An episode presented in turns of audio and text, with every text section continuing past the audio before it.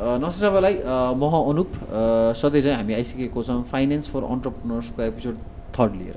नमस्ते म सागर आचार्य। सो आजको मेन टपिक चाहिँ टिडिएस ट्याक्स रिटर्न एन्ड टिडिएसको बारेमा छ होइन? तर यो। बुझ्नुभन्दा अलि अगाडि हामीले जुन लास्ट दुइटा एपिसोडमा कम्पनीको बारेमा कुरा गऱ्यौँ कम्पनी ओसिआरमा दर्ता गरिसकेपछि चाहिँ एउटा बेसिक गर्नुपर्ने कुरा चाहिँ विदिन थ्री मन्थ्स तपाईँले केही डिटेल्सहरू बुझाउनु पर्ने हुन्छ। जस्तै फर इक्जाम्पल ठेगाना अनि कुन को अडिटर अपोइन्ट भएको छ? यो चाहिँ हजुरले थ्री मन्थ्सभित्र बुझाउनु पऱ्यो भने हजुरलाई फाइन लाग्छ। र यही थ्री मन्थ्सभित्र चाहिँ हजुरले यदि पेड अफ क्यापिटलमा चाहिँ केही धेरै चेन्जेस भएको छैन भने चाहिँ हजुरले सेयर लगत पनि निकाल्नु पाउनु भयो यस एक्ज्याक्टली त्यही हजुरले भने जस्तै तिन महिनाभित्रै यो कामहरू गरिसक्नु पर्ने हुन्छ। यदि तिन महिनाभित्र यो काम गर्नु भएन भने चाहिँ हाम्रो अथराइज सेयर क्यापिटलको बेसिसमा चाहिँ हामीलाई एक्स्ट्रा फाइन चाहिँ लाग्न सक्ने हुन्छ। सो अब आज जाम हाम्रो मेन टपिकको केसमा जुन चाहिँ टिडिएस। होइन? अनि एज एन अन्टरप्रिनर मलाई पनि कतिपय काम गर्दाखेरि चाहिँ यो टिडिएस अलिकति कम्प्लिकेटेड चाहिँ किन लाग्छ भन्दाखेरि चाहिँ तिर्नुपर्ने त हो। तर डिफ्रेन्ट केसेसमा चाहिँ डिफ्रेन्ट स्ट्रक्चर भएको कारणले गर्दाखेरि सायद आजको यो एपिसोड हेरिसकेपछि धेरैलाई नै कति के कहाँ भनेर चाहिँ धेरै नै क्लियर हुन्छ होला। यस अब मलाई पनि बेसिकली अब इन्ट्रो अन्टरप्रिनर्सहरू भनौँ अथवा कोही फाइनेन्समा काम गर्ने मान्छेले चाहिँ टिडिएसको बारेमा चाहिँ धेरै नै क्वेसन्सहरू रेज गर्नु गर्नुहुन्छ। त्यो केसमा चाहिँ अब म के भन्छु भन्दाखेरि पहिला सुरुमा चाहिँ हामीले अब अहिले जुन यो टाइम फ्रेममा टिडिएसको बारेमा कुरा गर्छौँ त्योमा चाहिँ सबै कुराहरू समेट्न सकिँदैन हामीले होइन? किनभने यो टपिक एकदम भास्ट छ अनि त्यसपछि गएर तपाईँको धेरै कम्प्लिकेसन्सहरू जस्तै छ होइन? कसलाई काट्दाखेरि के लाउने कसरी काट्ने भन्ने कुराहरू एकदम कम्प्लिकेसन छ। सो हामीले चाहिँ सिम्पली पहिला सुरुमा चाहिँ टिडिएस भनेको के हो बुझौँ होइन? Since name suggest tax deducted at source अथवा जुन सोर्सबाट हामीलाई पेमेन्ट हुन्छ नि त्यो पेमेन्ट गर्ने सोर्समा मा नै तपाईँले ट्याक्स काट्नु पऱ्यो त्यसलाई नै टिडिएस भनिन्छ। अर्को भाषामा चाहिँ यसलाई विथहोल्डिङ ट्याक्स पनि भन्छ होइन त्यतातिर नजाउँ होइन। So tax deducted at source भनेको त त्यो भयो। अब सुरुमा चाहिँ अब कसले काट्नुपर्छ भन्ने कुरा आउँछ होइन? कसले काट्नुपर्छ भन्दाखेरि तपाईँ रेगार्डलेस अफ कम्पनी होस् प्रोप्राइटर होस् तपाईँले टिडिएस काट्नुपर्छ। तर मेन इम्पोर्टेन्ट एस्पेक्ट भनेको चाहिँ कसको केसमा कति रेटमा काट्नुपर्छ भन्ने हो। यसको लागि चाहिँ हाम्रो इन्कम ट्याक्स एक्टले चाहिँ यस्तो यस्तो पेमेन्टहरू गर्दा यस्तो यस्तो केसमा चाहिँ तपाईँले यति पर्सेन्ट चाहिँ ट्याक्स टिडिएसको रूपमा काटेर बुझाउनुपर्छ भन्ने कुराहरू चाहिँ मेन्सन गरेको छ। सो यसलाई चाहिँ अब हामी डिटेल्सली चाहिँ फर्दर डाइसेक्ट गरौँ न। ल पहिला हामी चाहिँ स्यालेरीको कन्ट्याक्समा राइसेक गरौँ ओके। होइन? अब स्यालेरीको केसमा भन्दाखेरि अब जस्तै स्यालेरीकै केसमा भन्दाखेरि पनि अब तपाईँको एज अ तपाईँ प्रोप्राइटर होस् या कम्पनी होस् काम बिजनेस गरिसकेपछि त स्यालेरी त तपाईँले तिर्नै पऱ्यो सो स्यालेरी तिर्दाखेरि चाहिँ के हुन्छ भन्दाखेरि चाहिँ डिफ्रेन्ट नम्बर अफ इम्प्लोइज हुन्छ काम गर्ने मान्छेहरू छुट्टा छुट्टै हुनुहुन्छ उहाँहरूको चाहिँ के हुन्छ भन्दाखेरि कसरी टिडिएस काट्ने भन्ने कुरा चाहिँ इम्पोर्टेन्ट हुन्छ। सो यसको यस्तो केसमा चाहिँ के हुन्छ भन्दाखेरि चाहिँ तपाईँको उहाँको वार्षिक कमाइ कति छ? त्यो पहिले आकलन गरेर उहाँको वार्षिक कमाइको आधारमा तपाईँले टिडिएस काट्नुपर्ने हुन्छ। जस्तै तपाईँ यदि इम्प्लोयर हो र तपाईँकोमा चाहिँ म्यारिड पनि हुनसक्छ अनम्यारिड पनि हुनसक्छ। यदि अनम्यारिड छ भने चाहिँ तपाईँको चार लाखसम्म चाहिँ ट्याक्स लाग ट्याक्स चाहिँ तपाईँको वान पर्सेन्टमा काटिन्छ। अनि यदि म्यारिडको केसमा छ भने चाहिँ चार लाख पचास हजार चाहिँ वान पर्सेन्ट काटिन्छ। त्योभन्दा माथि चाहिँ जति जति तपाईँले कमाउँदै गयो नि इम्प्लोइले त्यो आधारमा चाहिँ उसको ट्याक्स घट्दै जान्छ जस्तै कि दस पर्सेन्ट बिस पर्सेन्ट तिस पर्सेन्ट छत्तिस पर्सेन्ट त्यसरी नै काट्दै गइन्छ। सो गभर्मेन्टले चाहिँ एउटा फिक्स स्ल्याब आइडेन्टिफाई गरिदिएको छ जुन चाहिँ हामी हाम्रो डिस्कर्ड सर्भरमा राखिदिन्छौँ। त्यो स्ल्याब अनुसार अन्टरप्रिनरले चाहिँ मेरो यो पर्टिकुलर इम्प्लोइ कुन स्ल्याबमा पर्छ र यसको चाहिँ कति काट्ने दस पर्सेन्ट बिस पर्सेन्ट थर्टी सिक्स पर्सेन्ट तिस पर्सेन्ट भनेर चाहिँ त्यसरी आइडेन्टिफाई हुनुपर्ने हुन्छ। यस एक्ज्याक्टली त्यही नै हो स्यालेरीको केसमा। र यो चाहिँ कन्सेप्ट के भन्दाखेरि चाहिँ अब तपाईँको सिन्स अब स्यालेरी लिने मान्छे भनेको त इन्डिभिजुअल हो तैँले कति कमाइस् तैँले कति कमाइस् भने सरकारले खो खोज्न जान त उसलाई अलिकति गाह्रो हुन्छ नि त। सो यो टिडिएसको कन्सेप्ट पनि एक हिसाबले त्यही नै हो। तपाईँको सोर्समै टिडिएस काटिसकेपछि उसको काट्नुपर्ने ट्याक्स हामीले त्यहीबाट काटिसक्यो नि त। सो त्यही भएर चाहिँ it's a responsibility of who is paying. कसले तिरिएको छ र त्यो तिर्दाखेरि नै सोर्समा काट्ने भएको कारणले गर्दाखेरि पनि यसलाई विथ होल्डिङ ट्याक्स बनिएको यस एक्ज्याक्टली अब हामी कुरा गरौँ टिडिएस अन रेन्ट जस्तै फर इक्जाम्पल हजुर कुनै व्यवसाय गर्दाखेरि कुनै न कुनै ठाउँमा बसेर हजुरले गर्नुहुन्छ त्यसको चाहिँ हजुरले मन्थली रेन्ट तिर्नुहुन्छ होइन? अब सरकारले चाहिँ के भन्छ भन्दाखेरि हजुरको मन्थली रेन्टको टेन पर्सेन्ट चाहिँ हजुरले वडामा गएर बुझाउनु पऱ्यो जस्तै फर इक्जाम्पल हजुरले मन्थली टेन पर्सेन्ट काट्नुहुन्छ तिर दस हजार तिर्नुहुन्छ भने चाहिँ इएडली एक लाख बिस हजारको दस पर्सेन्ट बाह्र हजार चाहिँ हजुरले वडामा तिर्नु पऱ्यो टेक्निकली अब यो तिर्न पर्ने चाहिँ घरबेटीले हो। तर घरबेटी र अन्टरप्रिनरको बिचमा जे रिलेसनसिप छ या जे अन्डरस्ट्यान्डिङ छ त्यो भरमा चाहिँ कतिपय कन्ट्याक्समा चाहिँ एज एन अन्टरप्रिनरले पनि तिरेर हुन्छ यस यस सो त्यो टिडिएस किन तिर्नु इम्पोर्टेन्ट छ भन्दाखेरि भोलि गएर यहीँ टी रेन्ट टिडिएस तिरेको भरमा चाहिँ हजुरले कर चुक्ता डकुमेन्ट पनि। पाउनुहुन्छ होइन? हजुर, हजुर। एक्ज्याक्टली त्यही नै हुन्छ रेन्टको केसमा अब हामी कुरा गरौँ टिडिएस अन सर्भिस फीको बारेमा। यस टिडिएस अन सर्भिस फीको बारेमा कुरा गर्दा चाहिँ पहिला सुरुमा चाहिँ सर्भिस फी भनेर चाहिँ के हो बुझ्नु जरुरी हुन्छ होइन? जस्तै अब सर्भिस फी भनेको के हो भन्दाखेरि यदि तपाईँ एज एन प्रोप्राइटर होस् अथवा एज अ कम्पनी होस् तपाईँले कसैबाट सर्भिस लिइराख्नु भएको छ? त्यो चाहिँ तपाईँको सर्भिस फी हो र यसमा चाहिँ अरू एक्स्ट्रा चाहिँ के पर्छ भने जस्तो कि म्यानेजमेन्ट फी कन्सल्टेन्सी फीहरू चाहिँ यो सर्भिस फीमा पर्न जान्छ। द्याट इज यदि तपाईँले कसैबाट गुड्सको कारोबार गर्नुभएको छैन द्याट इज सिम्पली त्यसबाट चाहिँ तपाईँले सर्भिस लिनुभएको छ भने चाहिँ त्यस्तो केसमा चाहिँ सर्भिस फी भन्छ।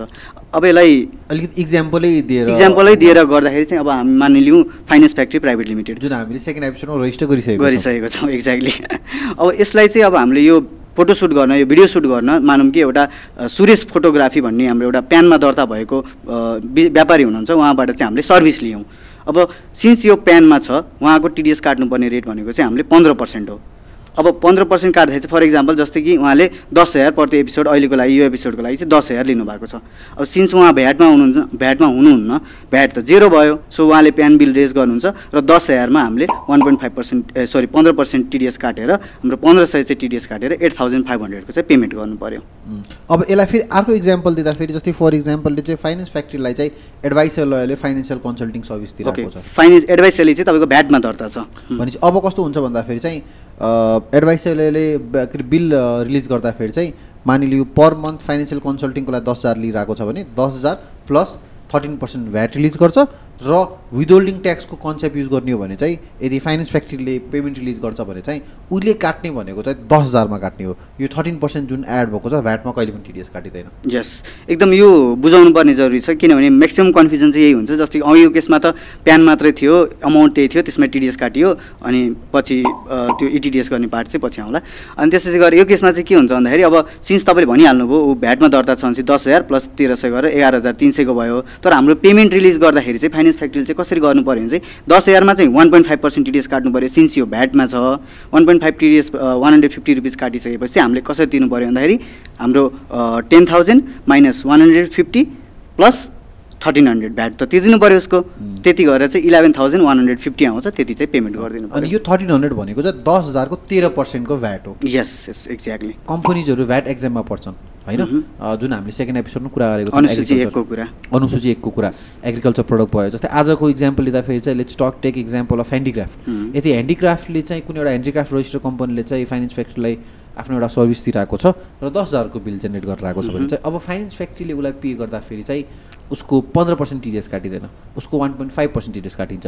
र यो अवेरनेस चाहिँ आई थिङ्क अन्टरप्रिनर्सहरूलाई हुनु पऱ्यो कि जसले चाहिँ ह्यान्डिक्राफ्ट या ट्याक्स भ्याट एक्जाम बिजनेस जसले गरेर राख्नुभएको छ अन्टरप्रिनर्स चाहिँ अवेर हुनु पऱ्यो किन भन्दाखेरि काट्ने मान्छेले त काटिदिन सक्छ तर यदि हजुर एज अ बिजनेस ओनर त्यो इन्डस्ट्रीमा हुनुहुन्छ जुनमा चाहिँ भ्याटै जान मिल्दैन भने चाहिँ आई थिङ्क हजुरले सर्भिस दिँदाखेरि चाहिँ त्यही क्लियरिफाई के गर्नु पाउनु भन्दाखेरि। हुन त मैले प्यान बिल दिइरहेको छु।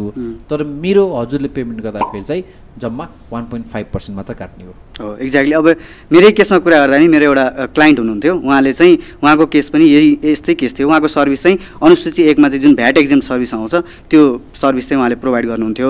र उहाँलाई चाहिँ जसबाट पेमेन्ट आउँथ्यो नि चाहिँ उनीहरूले चाहिँ अब किनभने सिन्स उहाँ भ्याटमा हुनुहुन्न किनभने भ्याटमा जानै पर्दैन उहाँलाई। उहाँले प्यान बिल रेज गर्नुहुन्थ्यो। र प्यान बिल आयो भनेर उताबाट चाहिँ जब जब हामीलाई पेमेन्ट आउँथ्यो जब उहाँ क्लाइन्टलाई पेमेन्ट आउँथ्यो उहाँको पन्ध्र पर्सेन्ट काटेर आउँथ्यो। अनि त्यसपछि हामीले चाहिँ के भनेर रिक्वेस्ट गऱ्यो भन्दाखेरि एक्टमा यो छ। किनभने जसलाई चाहिँ भ्याटमा जानै पर्दैन उसले त भ्याट बिल रेज गर्दैन नि त। सो मलाई भ्याटमै जानै परेन भनेर मैले त्यो मेरो बेनिफिट त मैले एभाइल गर्नु पाउनु पऱ्यो अनि त्यसपछि चाहिँ के भयो भन्दाखेरि चाहिँ उहाँलाई चाहिँ हामीले रिक्वेस्ट गराएर प्रोभिजन नै देखाएर उहाँको चाहिँ पन्ध्र पर्सेन्ट टिडिएस होइन कि वान पोइन्ट फाइभ पर्सेन्ट मात्रै टिडिएस काटिन्छ भने चाहिँ हामीले वान पोइन्ट फाइभ पर्सेन्ट मात्रै टिडिएस काट्ने व्यवस्था लिएर आएको थियौँ।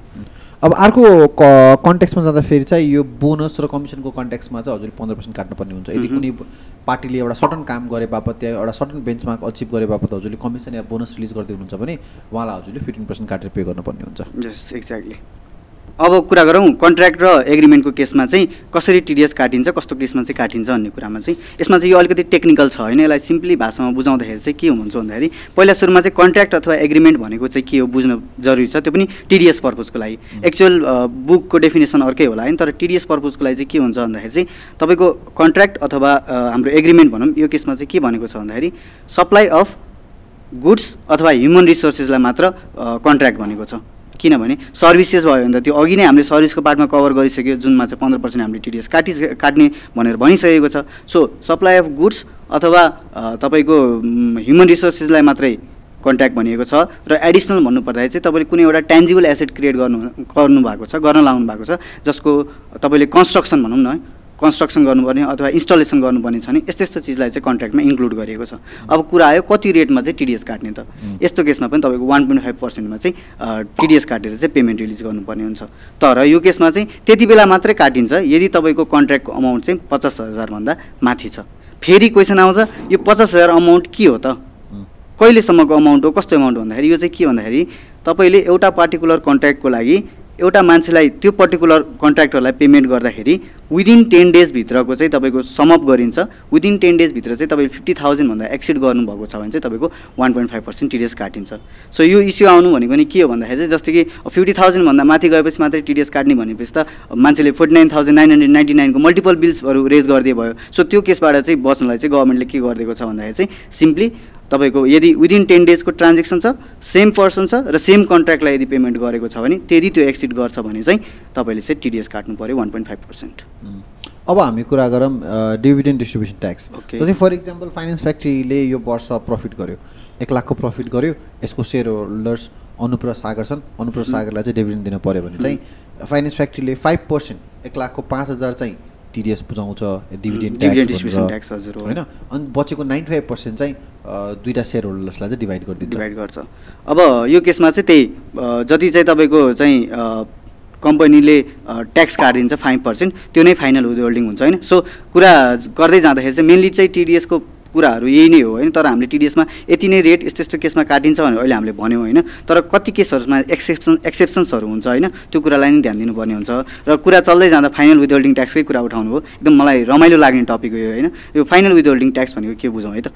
फाइनल विथ होल्डिङ भनेको चाहिँ तपाईँको एकचोटि काटेपछि नि त्यसमा चाहिँ फेरि ट्याक्स लगाउन पाइँदैन कि। जस्तै अघि तपाईँले डिभिडेन्ड बाँड्ने केस भन्नुभयो नि त। सिन्स डिभिडेन्डमा चाहिँ कसरी बाँड्छ भन्दा कम्पनीले उसले आफ्नो एक्सपेन्सेस घटायो पच्चिस पर्सेन्ट ट्याक्स तिर्यो त्यसपछि प्रफिट आफ्टर ट्याक्समा उसले फाइभ पर्सेन्ट तपाईँको डिभिडेन्ड डिस्ट्रिब्युसन ट्याक्स तिरिरहेको छ भने चाहिँ अब यो यो डिभिडेन्डको जो पनि रिसिभर छ नि चाहे तपाईँ प्राकृतिक व्यक्ति होस् चाहे तपाईँ कम्पनी होस् जेसुकै होस् तपाईँको चाहिँ के हुन्छ भन्दा फेरि त्यो तपाईँको इन्कममा एड हुँदैन।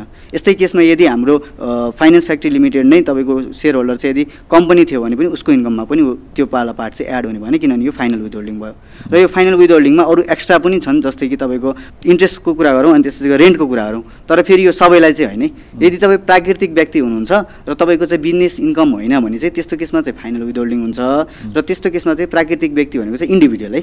इन्डिभिजुअलले चाहिँ यदि रेन्ट पाउनु भएको छ अनि गएर तपाईँको इन्ट्रेस्ट पाउनु भएको छ एज अ इन्कम भनेको चाहिँ उहाँको अलरेडी ट्याक्स काटेको हुन्छ त्यसमा चाहिँ फेरि ट्याक्सेबल गर्न चाहिँ पाइँदैन। सो यो सिम्पली फाइनल विथ होल्डिङमा चाहिँ अरू कुराहरू पनि छ। सो मैले चाहिँ सिम्पली यो जनरल ट्रेड प्र्याक्टिसमा हुने कुराहरूलाई चाहिँ रेज गरेको। अब हामीले टिडिएस त काट्यौँ। अब टिडिएस काटिसकेपछि के गर्ने त भन्ने कुरा चाहिँ पहिला क्लियर हुनुपर्छ जस्तो लाग्छ मलाई। यो काटिएको टिडिएस चाहिँ हामीले अब गएर बुझाउनु पऱ्यो। होइन? अब गभर्मेन्टलाई चाहिँ तपाईँको के हुन्छ भन्दा उसको प्यानको नाममा चाहिँ हामीले डिपोजिट गरिदिनु पऱ्यो आइआरडीको साइटमा गएर। अब यसपछि चाहिँ इटिडिएसको कन्सेप्ट आउँछ। इटिडिएसको कन्सेप्ट चाहिँ हजुरले के हो भन्दाखेरि चाहिँ जुन जुनको काट्नुभएको छ त्यहाँ चाहिँ हजुरले त्यो मान्छेको प्यानमा चाहिँ यो यो फलानु मान्छेको चाहिँ हामीले इडिटिएस इटिडिएस तिरेको छ भनेर फिलअप गरिदिनुहुन्छ। अनि त्यो डेटा चाहिँ इन्डिभिजुअलले आफ्नो जस्तै फर इक्जाम्पल नागरिक एपबाट चाहिँ हेर्न पाए कि मेरो नाममा चाहिँ कति के अरे टिडिएस बुझाइएको छ भनेर। यस अर्को यो इटिडिएसकै कुरा उठाउँदाखेरि चाहिँ दुईवटा इम्पोर्टेन्ट चिज छ इटिडिएसमा होइन? एउटा चाहिँ इम्पोर्टेन्ट चिज के छ भन्दाखेरि चाहिँ इटिडिएस गरिसकेपछि होइन? तपाईँले जस्तै एज अ यदि तपाईँले पेमेन्ट कसैलाई रिलिज गर्दै हुन्छ तपाईँले टिडिएस काट्नुभयो। त्यो टिडिएस चाहिँ तपाईँले बुझाइदिएर इटिडिएस गरिदिनु पऱ्यो अनि यो सिम्पली चाहिँ के हुन्छ भन्दाखेरि यदि तपाईँले कसैबाट चाहिँ तपाईँले चाहिँ पेमेन्ट आएको छ भने उसले पनि त इटिडिएस काटिदिन्छ तपाईँलाई उसले पनि टिडिएस काट्छ तपाईँलाई अनि उसले पनि तपाईँको नाममा इटिडिएस गरिदिनु पर्ने हुन्छ। सो यो डुएल रिलेसनसिप छ कि? जस्तो तपाईँ कम्पनी हो तपाईँले केही सर्भिस दिइरहनु भएको थियो तपाईँले सर्भिस गर्दाखेरि चाहिँ तपाईँको ट्याक्स अलरेडी कटिसकेको छ भने त पछि आफ्नो इन्कम ट्याक्सबाट चाहिँ तपाईँले एडजस्ट गर्न सक्नुहुन्छ नि त। तर त्यो अन्टिल एन्ड अनलेस सक्नुहुन्न जब कि तपाईँको इटिडिएस भएको छैन। यसलाई इक्जामको रूपमा दिनु त। यसलाई इक्जाम्पलकै रूपमा दिँदाखेरि चाहिँ जस्तै अब फाइनेन्स फ्याक्ट्री प्राइभेट लिमिटेडलाई एडभाइस एलीले चाहिँ हाम्रो सर्भिस दिएको थियौँ अघि। त्यो सर्भिसमा त हाम्रो टिडिएस कटेको थियो नि त। सो यो टिडिएस यदि फाइनेन्स फ्याक्ट्री प्राइभेट लिमिटेडले चाहिँ एडभाइस एलआईको नाममा इटिडिएस गरिदिएन भने जब चाहिँ हाम्रो एडभाइस एलीको पनि इन्कम आउँछ नि ट्याक्स इन्कम त्यो ट्याक्स इन्कममा चाहिँ हामीले जब ट्याक्स तिर्नुपर्छ त्यो ट्याक्स दिँदाखेरि चाहिँ जस्ट बिकज अफ फाइनेन्स फ्याक्ट्रीले इटिडिएस गर्दैन उसले पुरै ट्याक्स दिनु पऱ्यो द्याट इज एडजस्ट गर्न पाएन कि? जस्तै कि मानौँ उसको पचास हजार मात्रै ट्याक्स आएको छ मानिलिउँ। पचास हजारमा यदि द जति पनि हाम्रो इटिडिएसको अमाउन्ट थियो त्यो माइनस गरेर चाहिँ हामीले इन्कम ट्याक्स मात्रै तिर्नु पर्थ्यो अब चाहिँ उसले त्यतिले इटिडिएस गर्दैन भने चाहिँ उसले पुरै ट्याक्स तिर्नुपर्ने हुन्छ कि? सो यहाँ. रेस्पोन्सिबिलिटी चाहिँ फाइनेन्स फ्याक्ट्रीको भयो को दिने। exactly. तर त्यसको डाइरेक्ट बेनिफिट पाउने भनेको चाहिँ रिसिभेबल हो किनभने उसको प्यानमा उसको प्यानको नाममा चाहिँ डिपोजिट भएको छ नि त त्यो सो त्यो एभाइल गर्नलाई चाहिँ आफ्नो जहाँबाट पेमेन्ट आउँछ जहाँबाट चाहिँ तपाईँले पेमेन्ट रिसिभ गर्नुहुन्छ टिडिएस काटेर तपाईँलाई पेमेन्ट गर्छ भने चाहिँ ए मेरो टिडिएस भयो कि भएन भनेर चाहिँ टाइमली कलअप गर्नुपर्ने चाहिँ एकदम जरुरी छ जस्तो देखिन्छ हुन्छ अब अगाडि बढ्दै गर्दाखेरि आई थिङ्क हामीले हाम्रो यो डी वान डी टू र डी थ्रीको रिटर्नको बारेमा चाहिँ कुरा गर्नुपर्छ। यस एक्ज्याक्टली अब के हुन्छ भन्दाखेरि हामीले बिजनेस त चलाइयो होइन? बिजनेस चलाइयो टिडिएस बारेमा बुझ्यो मानव हामीले ट्रान्जेक्सनहरू गरिरहेछौँ होइन? तर एउटा फाइनेन्सियल इयर त एन्ड हुन्छ। फाइनेन्सियल इयर एन्ड भएपछि हामीसँग अब दुईवटा इम्पोर्टेन्ट कुरा हुन्छ कि। एउटा चाहिँ तपाईँको के हुन्छ भन्दाखेरि चाहिँ यो रिटर्न फाइल गर्ने अनि अर्को चाहिँ अडिट गराउने। अडिट गराउने भन्ने पार्टमा चाहिँ पछि आउँला। पहिला सुरुमा रिटर्न फाइल गर्नेमा पनि फेरि हामीसँग तिनवटा अप्सन हुन्छ। तिनवटा अप्सन के हुन्छ भन्दाखेरि चाहिँ एउटा डी वान हुन्छ एउटा डी टू हुन्छ एउटा डी थ्री हुन्छ। अब कसले चाहिँ डी वान फाइल गर्ने कसले चाहिँ डी टू फाइल गर्ने अनि कसले चाहिँ डी थ्री फाइल गर्ने भन्ने कुरा एकदमै इम्पोर्टेन्ट छ। अब यो पहिला लिमिटको आधारमा म भन्छु है। यदि तपाईँ प्राकृतिक व्यक्ति हुनुहुन्छ प्राकृतिक व्यक्ति भनेको इन्डिभिजुअल जस्तै अथवा प्यानमा रजिस्टर्ड छौँ होइन प्यानमा रजिस्टर्ड छौँ र तपाईँको चाहिँ सेल्स यस टर्नओभर भनौँ न फेरि यो केसमा चाहिँ टर्नओभर भनेको चाहिँ हाम्रो सेल्सलाई मात्रै इन्डिकेट गर्छ है। सेल्स यदि तपाईँको थर्टी ल्याक एक्सिड गरेको छैन इन इन फाइनेन्सियल इयर होइन? थर्टी लाख एक्सिड गरेको छैन र प्रफिट चाहिँ यदि तपाईँको थ्री लाख एक्सिड गरेको छैन भने चाहिँ तपाईँले डी वान फाइल गर्नुपर्ने हुन्छ। अनि तपाईँको यदि यो लिमिट एक्सिड गऱ्यो अनि तपाईँ चाहिँ यो लिमिट एक्सिड गर्नुभयो तर तपाईँको चाहिँ टर्नओभर वान करोड कटेको छैन र तपाईँको प्रफिट चाहिँ दस लाख कटेको छैन भने चाहिँ तपाईँ फेरि डी टू फाइल गर्नु पऱ्यो अनि त्यसपछि यो जो चाहिँ डी वान र डी टूको लिमिट क्रस गरेका छ त्यसले चाहिँ के गर्नु पऱ्यो भन्दा डी थ्री फाइल गर्नु पऱ्यो अनि अर्को चाहिँ डी थ्रीमा चाहिँ कम्पलसरी चाहिँ कसले डी थ्री फाइल गर्नुपर्छ भन्दा यदि तपाईँ प्राली हुनुहुन्छ भने त्यही भएर मैले अघि प्राकृतिक व्यक्ति भनेर भनेको जो चाहिँ प्यानमा रजिस्टर हुनुहुन्छ भनेर यदि तपाईँ प्राली हुनुहुन्छ भने तपाईँले डी थ्री फाइल गर्नै पऱ्यो अनि यदि तपाईँले एक्सपर्ट सर्भिसहरू प्रोफेसनल सर्भिसहरू दिनुभएको छ जस्तै लयर हो इन्जिनियर हो अनि त्यसपछि गरेर सिए हो यस्तो हुनुहुन्छ भने तपाईँले पनि डी थ्री नै फाइल गर्नुपर्ने भयो। अब चाहिँ लिमिटको कुरा गरिसकेपछि कसले कसले D one D two D three भन्ने त थाहा नै भयो। अब कति ट्याक्स दिने त? ट्याक्सको कुरा गर्दा चाहिँ यदि तपाईँ डी वानको क्याटेगोरीमा हुनुहुन्छ भने चाहिँ तपाईँको लोकेसन हेरेर हुन्छ कि? जस्तै कि तपाईँ यदि महानगरपालिकामा हुनुहुन्छ भने तपाईँको सेभेन्टी फाइभ हन्ड्रेड मात्र बुझाइ पुग्छ यदि तपाईँ नगरपालिकामा हुनुहुन्छ भने चाहिँ तपाईँको पैँतालिस सय बुझाइ पुग्छ र बाँकीको केसमा चाहिँ तपाईँको पच्चिस सय मात्र बुझाइ हुन्छ रिगार्डलेस अफ कति प्रफिट भयो भन्ने कुरा। त्यसै गरी डी टूको कुरा गर्दाखेरि चाहिँ डी टूको कुरा गर्दा नि जतिसम्म डी वानकै लिमिट थियो नि जुन तिस लाखको लिमिट त्यतिसम्म चाहिँ डी वानकै अनुसार ट्याक्स दिने हो। त्यति पचहत्तर सय पच्चिस सय पैँतालिस सयवाला होइन? त्यसभन्दा माथि चाहिँ तपाईँ टर्नओभर बेसमा चाहिँ ट्याक्स हुन्छ। यो टर्नओभर बेसमा चाहिँ कसरी ट्याक्स हुन्छ हामीले डिस्कट सर्भरमा मेन्सन गरिदिन्छौँ। अब आयो कुरा डी थ्रीको डी थ्रीमा चाहिँ के हुन्छ भन्दाखेरि सिम्पली यदि तपाईँ कम्पनी भयो भने चाहिँ तपाईँको पच्चिस पर्सेन्ट ट्याक्स लाग्ने भयो। यदि तपाईँ कम्पनी होइन प्रोप्राइटरसिप हो जसको चाहिँ डी वान र डी टूको लिमिट नागेको छ त्यस्तो केसमा चाहिँ के हुन्छ भने तपाईँको चार लाख पचास हजारसम्म चाहिँ तपाईँको निल ट्याक्स हुन्छ र त्योभन्दा माथि चाहिँ नर्मल हाम्रो जुन इन्कम ट्याक्सको स्ल्याब रेट छ जुन हामीले डिस्कट सर्भरमा राखिदिन्छौँ त्यो अनुसार नै तपाईँको ट्याक्स लाग्दै जान्छ। र यसमा चाहिँ यो हाम्रो जुन D one D two D थ्रीमा चाहिँ लास्ट इयरदेखि अहिलेको इयरमा चाहिँ अलिकति चेन्जेस आएको छ। एउटा चाहिँ लिमिटमा चेन्जेस आएको थियो। हामीले पुरानो लिमिटहरू त उठाएनौँ। अर्को एउटा इम्पोर्टेन्ट कुरा चाहिँ के चेन्ज आएको छ भने जस्तै तपाईँ पहिला भ्याट भयो भने चाहिँ तपाईँले डी थ्री भर्नै पर्थ्यो। डी वान र डी टूको अप्सन थिएन। रेगार्डलेस अफ तपाईँ त्यो लिमिटमा फलो गर्नु पऱ्यो तर अहिले चाहिँ त्यो भ्याट भन्ने चिजलाई हटाइएर के गरिएको छ भने तपाईँ यदि डी वानमा तपाईँ यदि भ्याटमै रजिस्टर्ड हुनुहुन्छ तर तपाईँ डी वानको क्याटेगोरीमा पर्नु भएको छ भने तपाईँ डी वान नै फाइल गर्नु डी टूमा पर्नु भएको छ डी टू नै फाइल गर्नु र डी थ्रीमा पर्नु भएको छ भने डी थ्री नै फाइल गरिदिनु भन्ने कुरा चाहिँ अहिले चाहिँ क्लियर गरेको छ इन्कम ट्याक्सले अब यो फाइल गर्ने भनेको इयरको एन्डमा हो मह्म। होइन नेपालको आर्थिक वर्ष सकिने भनेको चाहिँ असारको अन्तिममा हो Normally, अब. असारको अन्तिमसम्म त कारोबार नै भइरहेको हुन्छ होइन। अब नेपाल सरकारले चाहिँ हजुरलाई तिन महिनाको एक्सटेन्सन पिरियड दिन्छ जहाँ चाहिँ हजुरले अडिट रिपोर्ट बुझाइसक्नुपर्ने हुन्छ अडिट रिपोर्ट अडिट गराएर। अनि रिटर्न फाइल गरिसक्नुपर्छ नर्मल केस नर्मल केसमा तर कतिपय कन्ट्याक्समा चाहिँ हजुरले त्यो तिन महिनामा पनि अडिट रिपोर्ट अडिट गरेर भ्याइसकेको हुनुहुन्न। किनभने भोल्युम अफ ट्रान्जेक्सन धेरै थियो होला।